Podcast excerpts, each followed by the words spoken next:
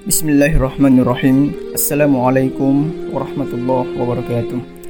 Alhamdulillahirrabbilalamin Tanpa terasa Di pertengahan Ramadan Allah subhanahu wa ta'ala masih memberikan kita kekuatan Sehingga mampu melaksanakan ibadah Ramadan Di sisa-sisa akhir Ramadan yang kita miliki.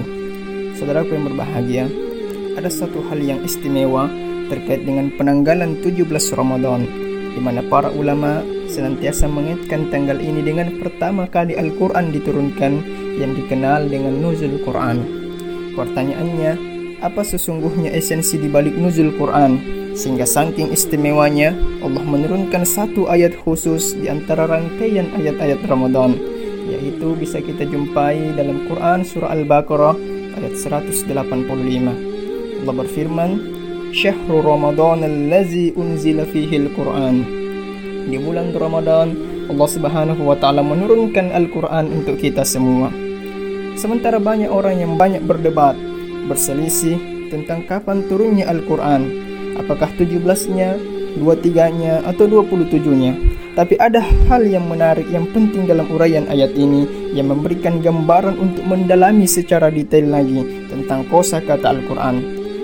Karena itu, ketika Allah Subhanahu wa taala memerintahkan syahrul Ramadan allazi unzila fihi al-Qur'an, maka terusan ayatnya menjelaskan hudal linnas.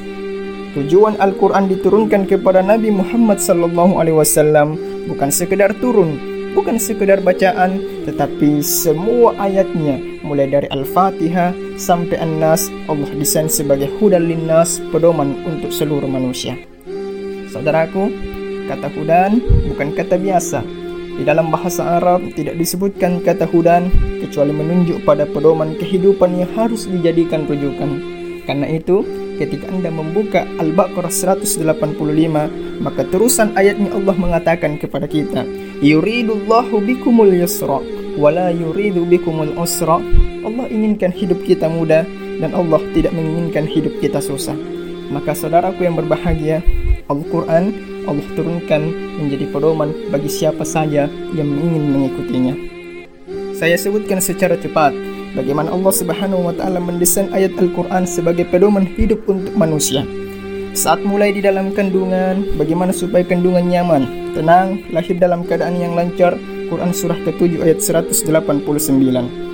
Begitu lahir, bagaimana supaya ASI mengalir lancar, pembagian suami istri berjalan dengan baik, Quran surah kedua ayat 233 usia 2 tahun sampai menjelang balik. Anda mendapatkan pendidikan ada empat hal utama dalam Quran surah 31 ayat 13 sampai 19 Anda mulai belajar bagaimana supaya cepat memahami Quran surah ke-9 ayat 122 saat Anda belajar, iman juga bertambah selain ilmunya. Quran surah ke-58 ayat 11. Anda mulai bergaul lebih tinggi dengan komunitas yang berbeda supaya tidak terjebak dalam pergaulan yang tidak baik. Quran surah 49 ayat 13. Anda mulai mencari pasangan. Bagaimana cara mendapatkannya? Ketika Anda melamarnya, Quran surah ke-4 ayat 4 menjadi bimbingan.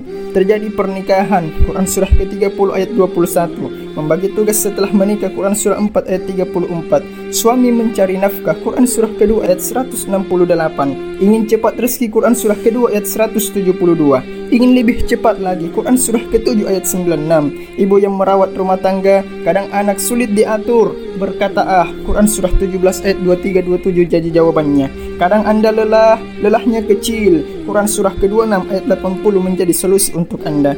Kalau kata dokter penyakitnya tidak ada obatnya, tidak bakalan sembuh. Allah Subhanahu wa taala jawab dalam Quran surah 21 ayat 83 sampai 84 sebagaimana Allah menyembuhkan Nabi Ayub dari penyakitnya.